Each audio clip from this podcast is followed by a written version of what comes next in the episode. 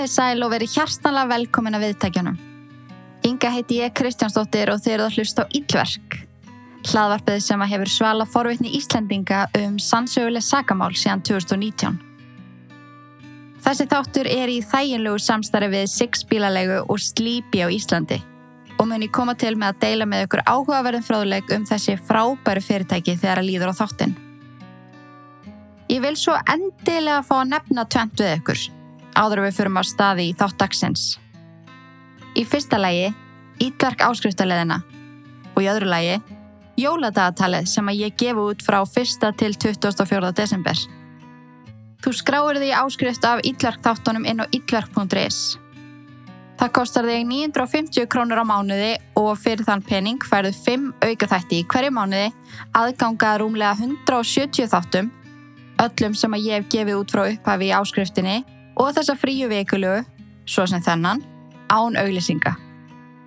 En það er aðeins nokkri dagar í að áskriftarleiðin breytist. Eftir 15. november þá farðu aðgang að þrejum mánuðum aftur í tíman við nýskráningu, eða 15 þáttum. Það verður samt hægt að komast í eldra efnið en það verður selt sér. Svo ef að þú hefur verið að spája skráði í áskriftina, gerðu það þá núna til að gulltryggja þér alla 170 þættina. 2022 jóladagatal. Eru þið búin að spá eitthvað í slíku? Ég get allavega stolt sagt á því að fyrsta jóladagatali mitt er komið í sjöluðin á ítverk.is. Og þetta er svona ekstra stolt því að þetta er líka þriðja glæpaskaldsaðar mín sem að heitir Ég sá þau um jólin. Mér langaði að gera eitthvað sniðut þegar að koma því að gefa hann út og ákvaði að gefa út einn kabla á dag frá 1. til 24. desember. En það verður auðvitað líka eftir að kaupa hana sem heila bók ef að þið nennið ekki að hlusta einn kapla á dag. En endilega, ef ykkur langar að gera vel við ykkur og eiga smá sögustund með mér á hverjum degi, kikið þá endilega á ítlark.is og aðtöðu hvort að ég sá þau um jólinn sé eitthvað fyrir ykkur. Áskrifundur ítlark fá 1000 krónar afslatt af jóladagatalinu, by the way. En ok, þáttur dagsins. Ég veðurkenna að ég er búin að býða svolítið með að segja ykkur frá þessu máli því að þetta er frekar nýlegt og ég hafði ágjörði að ég get ekki haft þáttinn í almennilegri lengt. En það hefur hellingu gest síðan ég rakst það fyrst svo ég held að þessi komin tími til að ég segja ykkur frá þessu. Ég veit að ég segi þetta mjög oft en wow, þetta er eitt af rugglasta sem að ég hef heyrst um. Að ykkur geti gert svona lagað við aðra mannesku, það þarf að vera eitthvað verulega mikið aðeins skallanum á þér. Yfirherslan yfir aðalpersonu málsins er líka ánals efa einn áhugaverðasta sem að ég hef heyrst. Ég mun spila fyrir ykkur ykkur að klippur og svo mun ég þetta mæla með því að þið hlusti á yfirhersluna en nákvæmlega svona hljómar sociopathic legasjúkur narcissisti. Nei, alvörinni, nákvæmlega svona. Laugadags ítlark þátturinn The Case of Sarah Boone Gjör þið svo vel.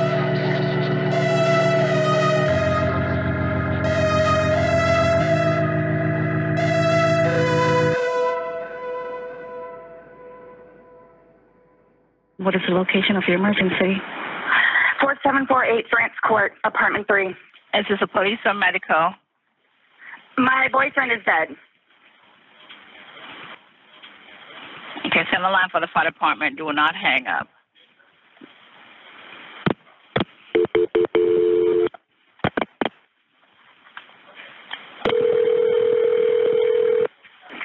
Fire rescue. What's the location, Mercy? Desk 32. No, please don't leave.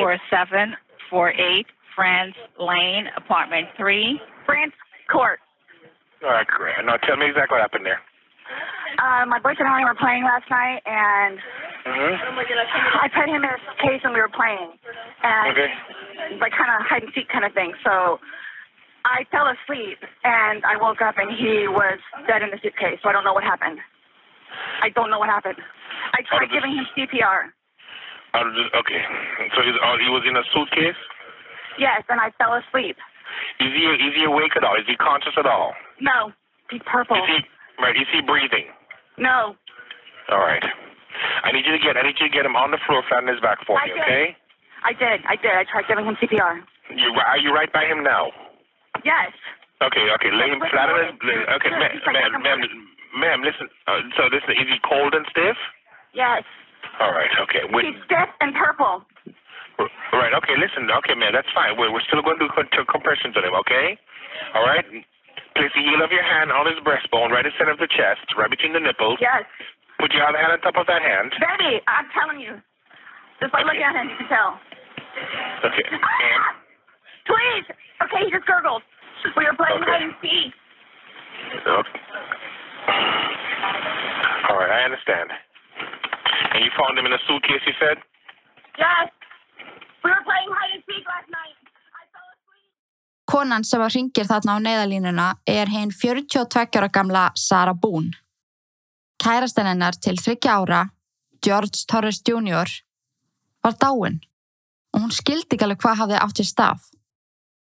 Dæin áður eða þann 22. februar árið 2020 höfðu þau átt alveg ótrúlega góðan dag saman. Þá sérstaklega miða við hvað hefði gengið á síðastleina mánuði. George hafði alla tíð átt mjög erfitt með skapið í sér. Drakk illa og var háðu græsreikingum. Á meðan Sara var heiðusnefandi í skóla með allt sitt á hreinu. Þegar hún byrjaði með George þá breytist allt. Hún fór að drekka mikið og samskipti þeirra urðu mjög eitruð.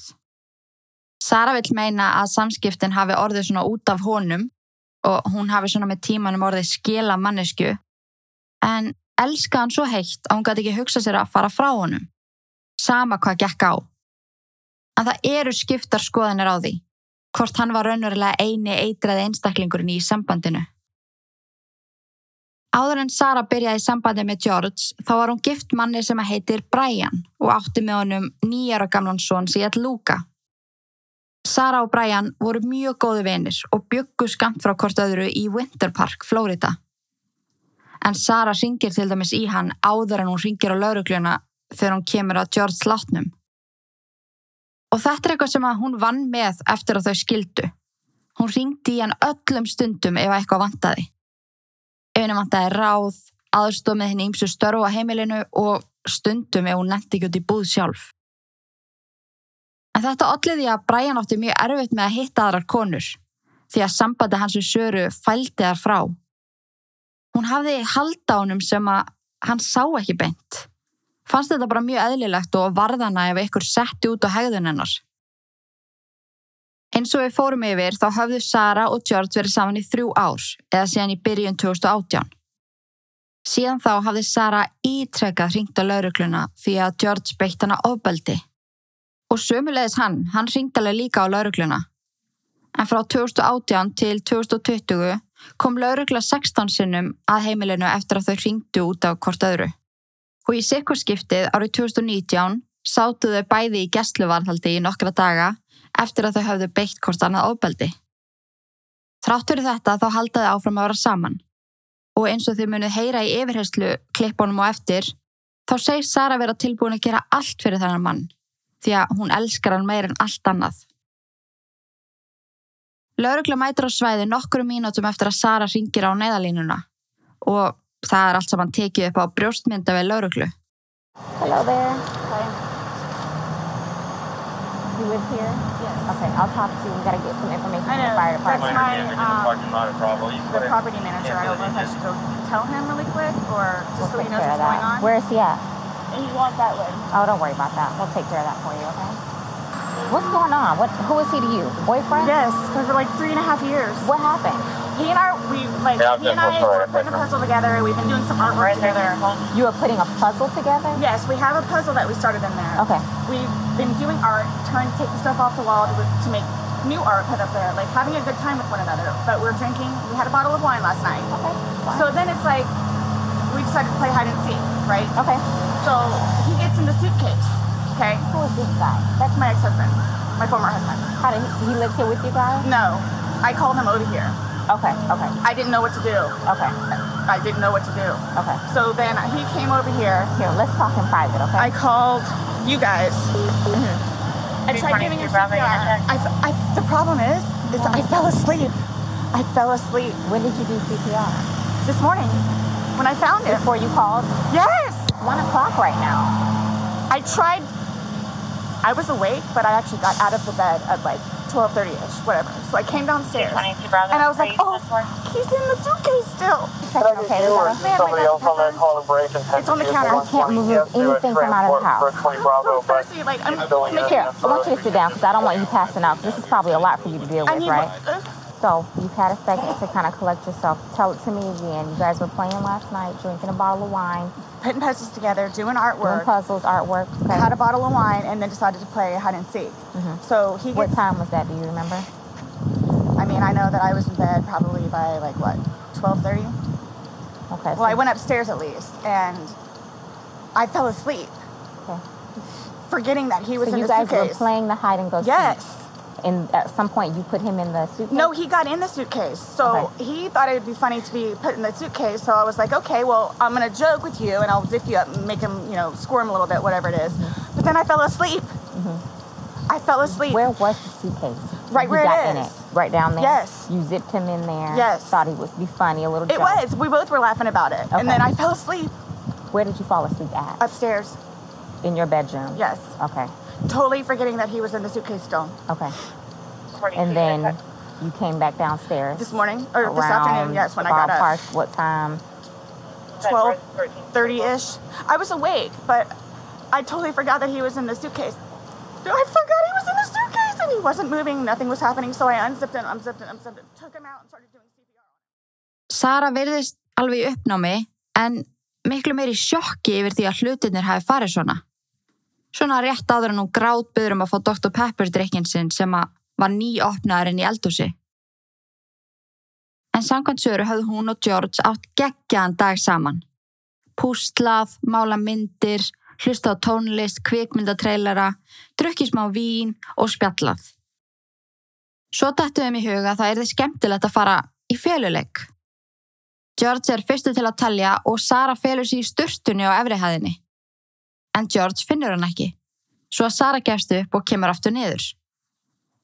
Þá fóðu þau aðra hugmynd, að það væri nú skemmtilegt að loka George ofan í ferðartösku. Sara ætti nú aldrei eftir að finna hann þar. En það var ferðartaska í forstofunni af því að þau voru að fara að gefa fullt af dóti í svona góða hyrðirinn þarna úti í Flórida. Sara sækir ferðartöskuna og George treður sér ofan í hana. Svo rennir Sara renni lásnum og lokar töskunni. En skildi þó eftir smá gat fyrir hendi George svo hann kæmist auðvitlega út. Hún ákvaða að stríða George aðeins og fyrir upp í söfnherbyggi. Svona aðeins að skilja hann eftir og sjá hvað hann myndi gera. En endar á að loknast út af upp í rúmi sofa alla nóttina og til klukkan 11 morgunin eftir. Sara spáði ekkert í því að George var ekki við hliðina á hann í rúminu og hugsaði með sér að hann væri líklega slöngu farið niður til þess að horfa sjórpið því að hann var vanur að vakna frekar snemma. Sara liggur upp í rúmi til klukkan hálf eitt og þá fer hún fram úr, klæði sig og fer niður. Hún sér George hverki en rekur svo augun í töskuna. Þá rann það upp fyrir henni. Heyrðu anskotin. Ég glemdi að ég hafi lokað hann á hann í töskunni. Hún opnaði töskunni í flýti og tógar George upp úr henni. Hann var allur á henni fjólublár. Hendurna marðar og andlitið þaki sárum eftir að hafa reynd langt fórum á nótt að komast út úr töskunni. Sara reynir fyrstu hjálp án árangus en það líka minn orðin stífur og hann greinlega löngu dáinn. Hún ringi þá í Brian fyrirverandi eigimann sinn sem að segist alltaf koma en líka að hún verði að ringja strax á neyðalínuna. Laurugla á vettvang fær strax óbræði munnin yfir aðstæðum og sérstaklega eftir að það var rættu söru. Hún var kvöss, kuldaleg og sagan breyttist í hver skipti sem hún sagði hana. Það gati einhvern veginn ekki verið að hún hafi í alvörunni glemt manninum ofan í töskunni. Það hlaut að vera eitthvað meira í gangið þarna. Það sem að rendi stóðum myndi það að vissulega var eitthvað meira í gangi var vídeo sem að fannst í símanum hennar Söru. Það er ákveð að fara með Söru upp á lauruglustöð til þess að yfirheyra hana og hún í kjölfarið er beðin um að afhenda síman sinn. Og það fyrsta sem að þau finna var vídeo af George í töskunni. Hann grátt beður hana um að opna því að hann gati ekki andað. Hún svarar honum með einu löfléttu Fuck you. Sarah, For everything you've done to me. Sarah, For everything you've done to me. Sarah, Fuck you. Sarah, Fuck you. Sarah, Stupid. Sarah, That's my name. Don't wear it up. Sarah. I can't fucking breathe, babe. Seriously, Yeah, that's when you do when you choke me. Sarah. Sarah. Sarah. Sarah, I can't breathe, babe. That's on you. Sarah, I can't breathe. It's on you. Sarah. Real or ransom. Might want to get video for it extra. Because I got this. Sarah. Mm, Real or ransom. Sarah. Sarah, I can't. I can't breathe, babe. Oh. That's what I feel like when you on me. Sarah. I Fuck you. fucking breathe, Sarah. Yeah. You should probably shut the fuck up. Sarah.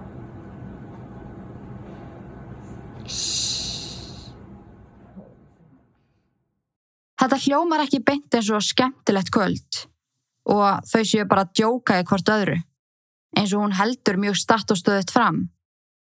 En Sara segist ekki muna eftir því að hafa tekið þetta vídeo og ef hún gerði það, var það bara gert í gríni.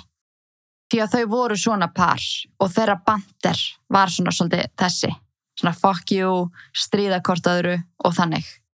Þannig að fyrir henni þá var þetta bara rosalega eðlilegt grín þeirra á milli. Hún stóð líka mjög först á því að hún ætti ekki við drikkjuvandamál að stríða.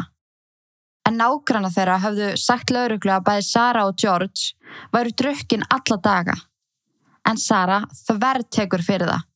Segist ekki verða full. Hún vilji ekki vera full því að hún hati tilfinninguna. Hún hefði fengið sér eitt glas þetta kvöld og var algjörlega skýr í kollinum. I got the puzzles and the paint to try to get him off of it so we don't have a drink, or he doesn't have a drink. So when you all see my phone, you can see all of the damage he has done to me and the videos of him smashing my television because he's belligerently drunk. Where most of the time, I just don't want to be there. And I try to help him, I try to calm him down. Hmm. Eventually, he just passes out. Well, yesterday it made it sound like you guys were just drinking like a glass or two. Like, yeah, you obviously had the bottle, but you, I mean, you told me on the, yeah, but you told me on recording, like, that you were not drunk, he was not drunk, you guys were having I- a good time. I don't get, I can't get drunk. I, number one, I do not want to get drunk. I don't like being non-compos mentis, having my wits about myself. I don't like feeling out of control. Mm-hmm. So, I'm just saying, you're you're making it sound like like he's a raging alcoholic today, and yesterday I was kind of asking you those questions, and you're like a little defensive, like, no, we're not alcoholics. He, I'm not. we are not, you know. But you guys were both sober on Sunday, to your knowledge, because when I said you went and passed out, you were like, no, I didn't pass out, I just fell asleep. So now it's kind of like, what is it? Is were you guys drinking and it got out of hand and. It got physical? No. Or is it? En eins og þið munu heyra, þá mun svo saga breytast þegar að líður á yfirheysluna. Allt í einu var hún mjög drukkin, alveg blekuð og laurugluþjóðanir getur nú heyrsta mjög augljóslega á upptökunni af henni. Hún fyrir upp í herbyggi og deyr áfengistöða og þess vegna verður hann eftir í töskunni. You know, you know what's on that video now? No. You remember making that video? Oh, Why don't you remember making the video? probably because we had been drinking. But you weren't drunk. No. Just because I went upstairs and, just You because you're drunk doesn't you mean that you. times that you were not drunk. Það er líka mjög áhugavert að heyra álit hennar á sjálfur sér. Hún talar stanslust um það alla yfirhersluna hvað George væri ekkert án hennar. Hún gerði allt fyrir hann, hjálpa honum í gegnum allt, borgaði allt fyrir hann, fætti og klætti. Þegar lauruglu þjónandi nefna að kannski hafa hún innst inni verið orðin þreytt á að sjá um hann, Allir hafi sín mörk og kannski hafi ástandi gengið fram að henni og hún hreinlega ákvað að opna ekki töskuna. Sara verður mjög móðguð við þessu. Sagði að þau væri bara geti eðurnar. Þau þekkt hann ekki neitt. Og þegar annar lauruglufþjóttin segir ok, segð okkur, hver er Sara Bún? Þá svarar hún þessu. I don't think you all understand who I am. Where, Okay. Well, tell me. I mean, I've always been a straight A student. I am an outstanding mother to my son. Okay. I excel at everything. Krupningaskísla George leiti í ljós mjög nýlega áverka aftan á hálsi, baki og að höfði. Sara vildi ekki kannast við áverkana, nema þessa á bakinu.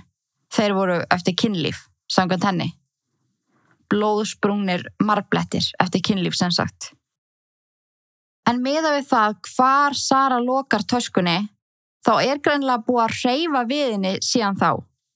Því að í myndbandinu þá snýr opið á töskunni niður og þegar að laurugla mæti svo svæðu um morgunin er taskan komin langlegin inn í forstofu en áður hafði hún verið inn í stofu. Lauruglugrunnar að Sara hafi viljandi ítt töskunni um og síðan lamið í hana með hafnaboltakilfu sem að var í forstofunni. Svona miðaðu hversu alvarlegir áverkar á líki George voru. Við krypningu var gróflega reiknað út að George eitti næstu í þrem klukkutímum í töskunni og endaði síðan á því að kapna. Eftir að hafa barist það harkalega að það blætti úr höndunum á honum og hann var búinn að býta gata á vörun á sér. George skildi eftir þrjár unga dætur, fjögur sískinni og foreldra sem að elskuða hann mjög mikið. Og þau tóku fréttunum af andlati hans mjög illa, sem er auðvitað mjög skilinlegt. Sara náði þó að snúa þeim aðstæðum sér í hag og bað lauruglu vinsalast um að venda sig, því þetta fólk hafi ítrekka hótað að drepa hana. Ef að þau kæmust að því að fyllir í þeirra hafi enda svona, myndu þau koma og ganga frá henni, því að þau voru djöflar í mannsmynd. Eins og ég talaði um í byrjun þá er yfirherslan yfir þessari konu ein merkilegasta sem ég hef nokkuð tíman séð. Og ég er með búin að spila nokkur brot fyrir ykkur enn í þættinum. Það var alveg erfitt að velja því að það er svo mikið af gjörsanlega keksrugluðum hlutum sem hún segir. Hún talar niður til allra og skilur bara ekki hvað þau vilja eiginlega frá henni. So you all think that it's like, oh, good, I got him in there. Now I'm to go to sleep. Is that what you guys are trying to assume, or trying to like? We're just the video is very portraying of the opposite of what you told us. No. It does not. It is not leading up. It is not matching what statement you gave us in the car, So, and that's why we want to know and I don't remember injuries. doing those. the injuries are not consistent with what you've told us. So we have a lot of inconsistencies, and this video explains itself. It really truly does. You don't think that I have thought about that? thought about the video or thought about But no, again, if you don't mind, please. So you all are assuming that it's like, oh, good, I got him in there. Now I'm going to go to sleep. Is that what you all are assuming? well, it's not an assumption when that's what you told us that happened. That's what Mhm. happened. And the video, Please do not assume.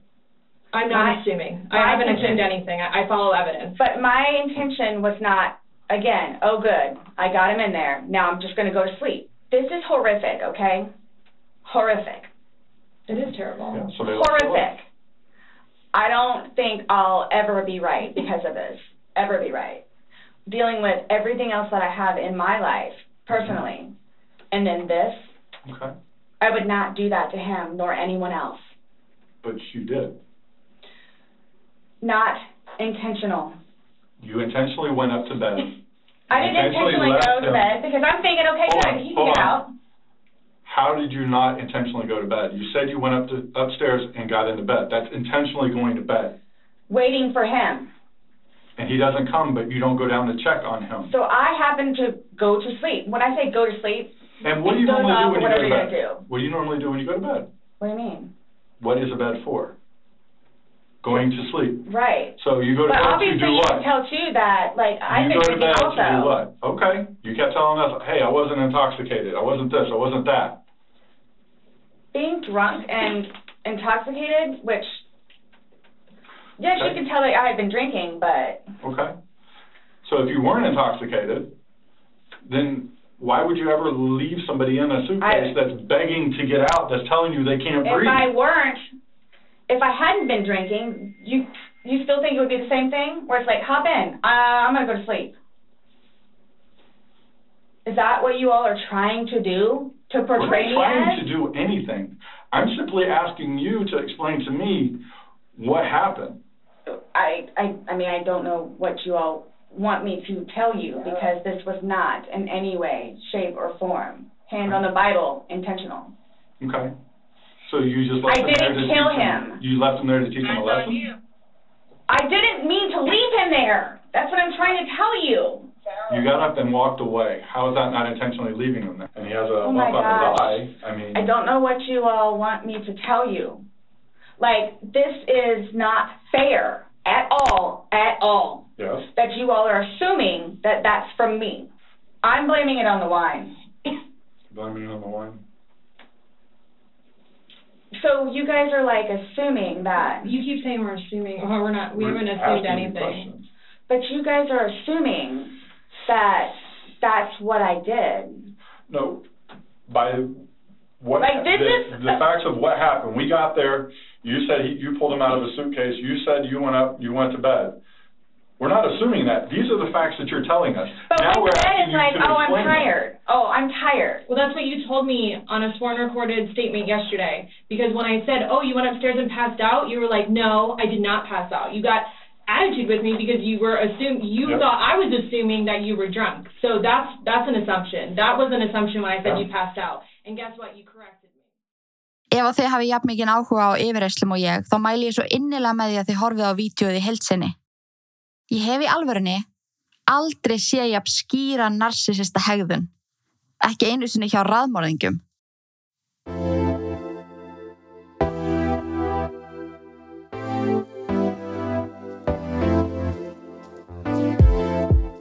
Það er nýverið búið að skella inn nýjum kokkum í langtímalegu sext. Þau hendu mér á glænían Renault Captur sem er svona bíl sem að ég hefði aldrei spáð í. En vákvæðan er fáralega þægilegur. Ramax og bensibíl rúmgóður, skemmtilegur að keira og mér finnst ég bara algjör djöfis að skella á honum í alvörinni. En núna eru þau hjá Sixt að bæta nýjum bílum og þeirra plan er að auka úrvalið af 100% Ramax bílum. Því að öll stefnum við nú þangað. Að rúla um á ramagni eins og, eins og er sagt í ykkur allt annar auðlýsingu. En kíkja endilega úrvalið inn á Sixt langtímalega. Það finna sér allir bíl við sitt hæfi á góðu verði. Og hei, ekki gleyma að nefna það að þið séu að hlusta á ítlverk og þá munum meistarandi þannig að rissa upp góðan díl fyrir þig. Skoðaðu bíl á langtímalegu. Hagstætt og alveg fárulega þægilegt. Sixt langtímalega.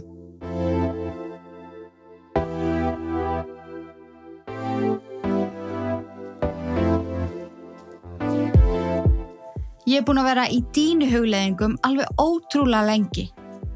Ég veit ekki hvað það er, en það að kaupa með dínu, það, það hræði mig. Ég fæ svo mikið svona framistöðu kvíða. Eða svona, uh, hvað ef ég verði ekki ánæð? Eða hvað ef að ég er ánæð fyrst og svo fer það að dala? Æ, ég veit það ekki. Ég hef einhvern veginn frestað þessu ótrúlega lengi. En ég fekk svo aðstóð á Instagram eða ég spurði fólk hvaða dínu það ætti og það sögðu bókstala allir slípi. Alveg yfirgnæfandi meiri hluti. Svo ég fór að skoða það betur. Fór upp í búð, skoðaði og varð voða skotin strax. Og eftir að velta þessu fyrir mér í nokkra viku til viðbótar ákvaði ég að heyra bara í slípi, tjekka hvort við getum ekki unnið eitthvað saman ef að ég væri svo ána með dínuna. And here we are. Er það að grínast eða? Ég fór úr því að vakna með verk í bakinu alla modna yfir í að vakna útkvíld á bókstala einni nóttu. Ég get sagt einhver mega glöð og sátt að ég mæli svo innilega með slípu dínunni. Ef að þið eruð í slíkum hugleggingum þá þurfuð þið ekki að leita meira.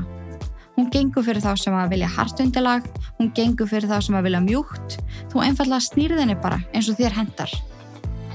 Ég, ég elska þegar ég get bent ykkur á eitthvað virkilega gott stöf, ykkur að góða vörur eftir að hafa prófað það sjálf.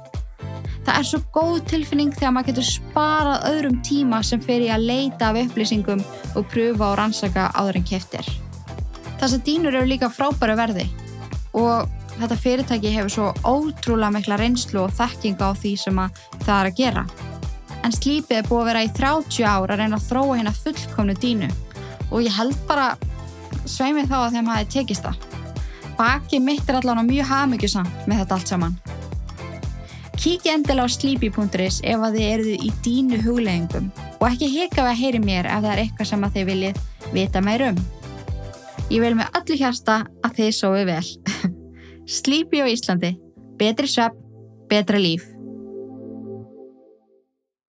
Við fáum líklega aldrei að vita hvað nákvæmlega kom fyrir þetta kvöld. En þetta ferðartöskuvídjó segir meira en þúsind orð.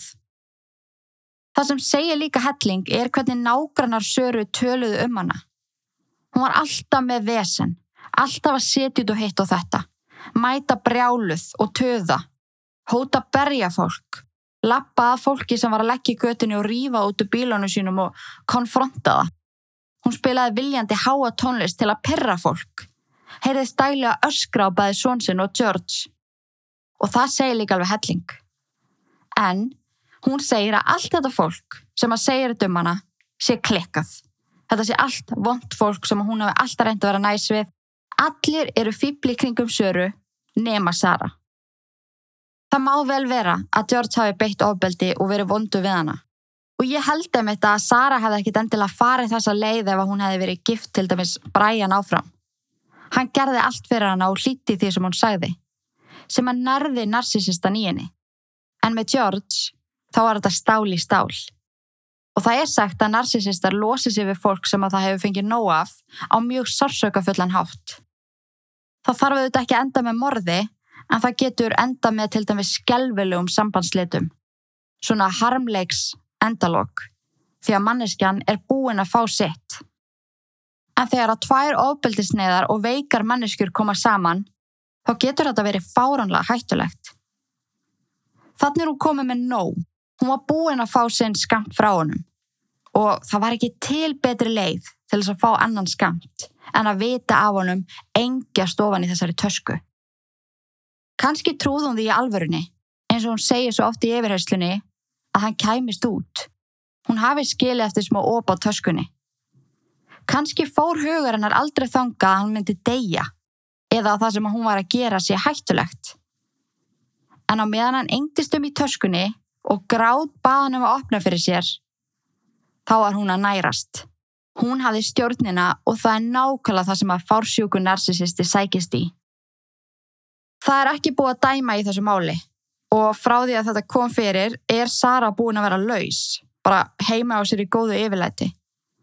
En réttahöldin yfir henni hófist núna 7. november og ég sjálfsögðu er að fylgjast með og vildi þess að segja ykkur frá þessu máli í dag svo ég geti gefið ykkur update af réttahöldunum. En hvað haldið þið með þetta? Er hægt að sanna það án alls vafa að hún hafi viljandi lokað núna í töskunni og farið að sofa? Eða er möguleiki á að kviðdómur trúi því að hún ætlaði sér ekki að gera þetta? Að þetta hafi aldrei átt að fara svona langt? Ég laka til að heyra hvað ykkur finnst. Og líka ef að þið horfið á yfirheysluna, eru þið sammála mér að þetta er einn styrlaðasta yfirheysla sem að þið hafi heyrst.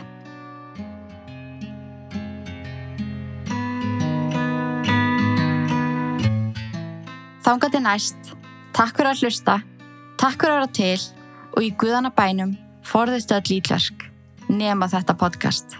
Verið sæl. Haugur, take it away. Ekki lukku. Sýnda sáli sem í djúpa hafi sökku Gangin líf eins og flugur inn í krukku Meðan 666 andast uppu Bættu sjöfið og þú dottir ekki lukku. Sýnda sáli sem í djúpa hafi sökku Gangin líf eins og flugur inn í krukku Meðan 666 andast uppu Þegar úti fyrir að dimm og frostin ístir inn að beini. Engin engil sem að veiti verði í eðilögðum heimi Sem að lagðist í eði með heift og sakleysingjar týndu lífum. Verkin ítlu sem að fólki sá í sínu sínum Hversu margir hræðast drauga?